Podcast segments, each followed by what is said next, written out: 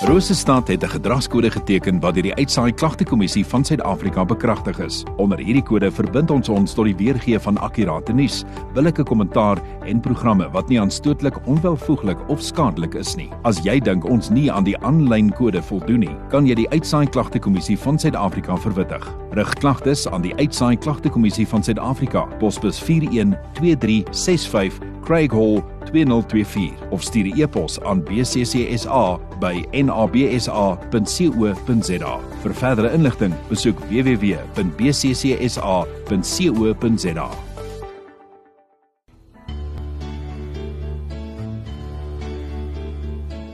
Tyd vir oggendgodsdiens op 100.6 FM.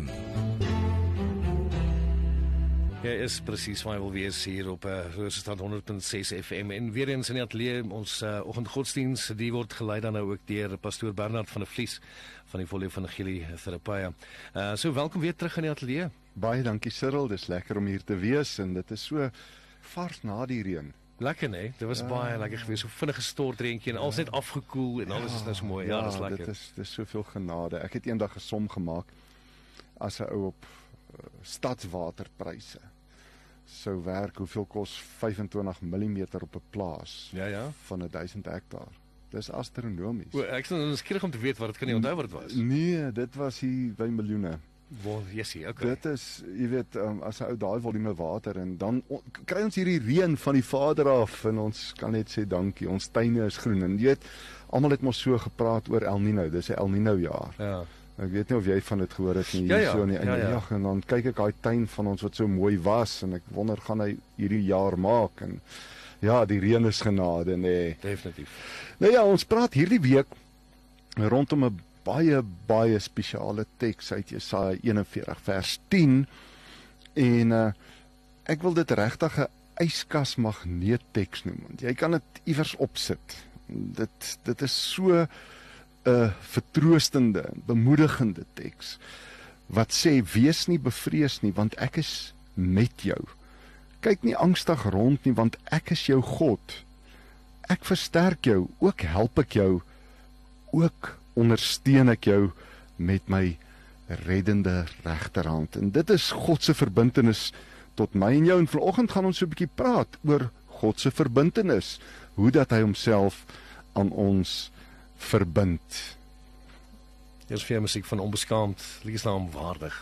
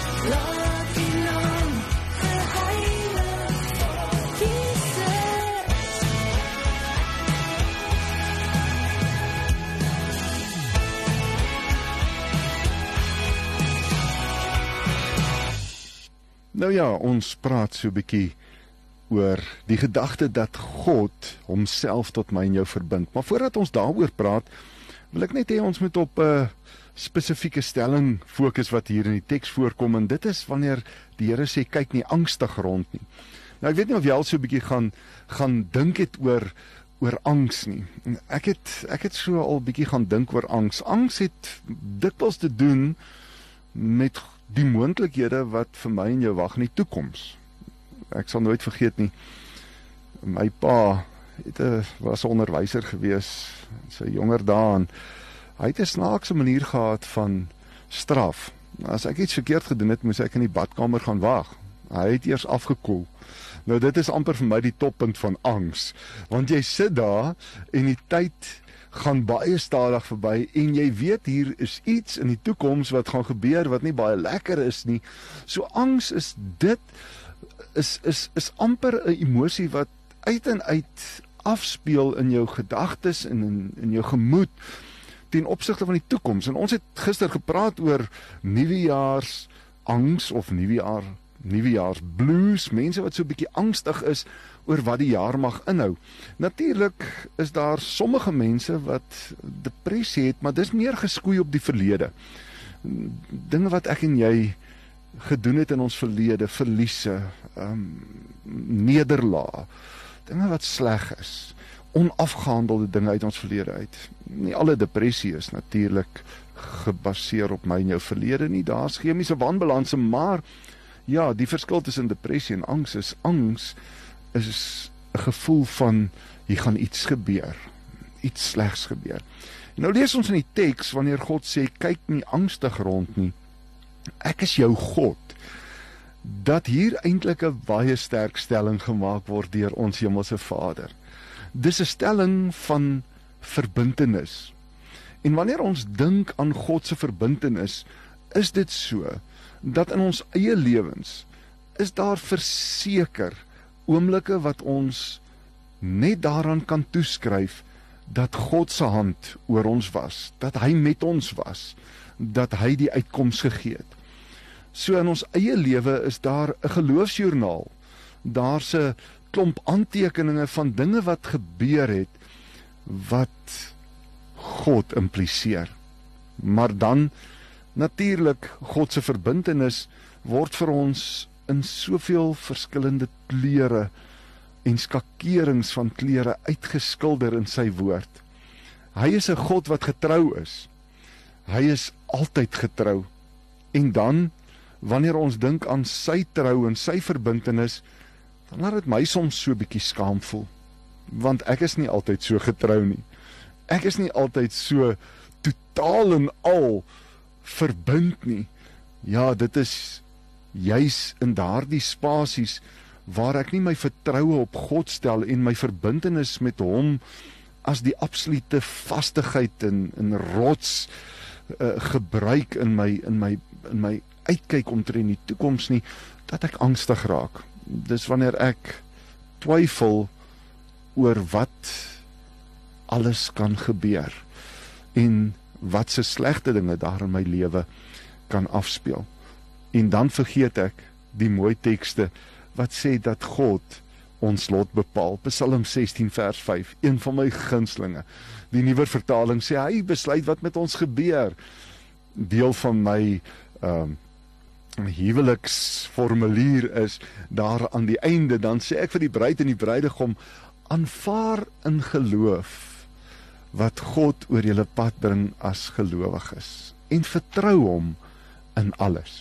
En dit is een van daardie dinge wat makliker gesê is as gedaan. Want wanneer ek en jy veral uit moeilike spasies uitkom, dan vat dit 'n ruk vir ons om ons emosionele ewewig te herwin. Die beste plek waar ek en jy troos kan kry en waar ons vrede herstel kan word, is natuurlik binne die spasie van God se sekuriteit dat hy homself tot my en jou verbind. En in hierdie verbintenis lê daar 'n groot porsie van onmeetbare vermoëns wat buite ons verstaan is. God is almagtig. Daar in Efesiërs 3 lees ons dat God by magte is om te doen ver meer as wat ons kan dink of bid. Nou, dit is nie altyd vir ons so maklik om dit te verstaan nie. As ons gaan kyk in die Bybel na al die wonderwerke wat aangeteken is, dan moet ons sê hierdie God is 'n groot God. En dan as ons dalk nie die Bybel vat nie, maar ons gaan wandel daar in die natuur, daar waar God se vingerafdrukke van sy majesteit en sy heerlikheid vir ons duidelik uitgestip word, dan sien ons hoe groot is hierdie God. As ons net dink aan die genetiese program wat hy geskryf het vir elke spesies en hoe dat alles in mekaar pas en daar interaksie en interafhanklikheid is van mekaar. Die een spesies het die ander spesies nodig om te lewe. Hierdie God is 'n ingenieur van lewe. En wanneer ons dink aan sy grootheid, ja, in sy verbintenis, wanneer hy sê ek is jou God, dan moet ons onthou dat hy 'n groot God is. In Jesaja 46 vers 9 en 10 kom die Here en hy sê dink aan die dinge wat tevore is dat ek God is en dat daar geen ander is buite my nie. God gee vir my en jou die sekerheid dat hy God is. Dit laat my dink aan die ou Joodse volkie nadat hulle uit Egipte uitgelei word na 'n klomp pla die Egiptenaars tref en hierdie ingryping van God voor hulle oë afspeel, dan kom hulle voor die Skelfsee of die Rooi See en hulle is twyfelagtig en hulle hulle kyk terug op die horison en hulle sien Farao se ruiters en sy perdewaans en hulle is angstig en en en en die Here gee uitkomste. Aan die ander kant sing hulle 'n lied en hierdie lied sê hulle o Here, wie is soos U? En dan sê hulle 'n snaakse ding onder die gode. Want ons moet onthou, hulle was blootgestel aan 'n klomp gode, die Egiptiese gode. Maar wanneer hulle terugkyk, dan sien hulle daar is nie 'n God soos ons God nie. Wanneer hy sê in Jesaja 41 vers 10, want ek is jou God, dan kan ons as gelowiges vanoggend verklaar en bely dat hy die enigste God is, dat daar geen God is buite hom nie dat hy absoluut 'n magtige, 'n almagtige, 'n alomteenwoordige, 'n alwetende God is wat vir my en jou groot gerusstelling behoort te gee wanneer ons verbintenis tot hom in plek is. Hoe lyk jou verbintenis?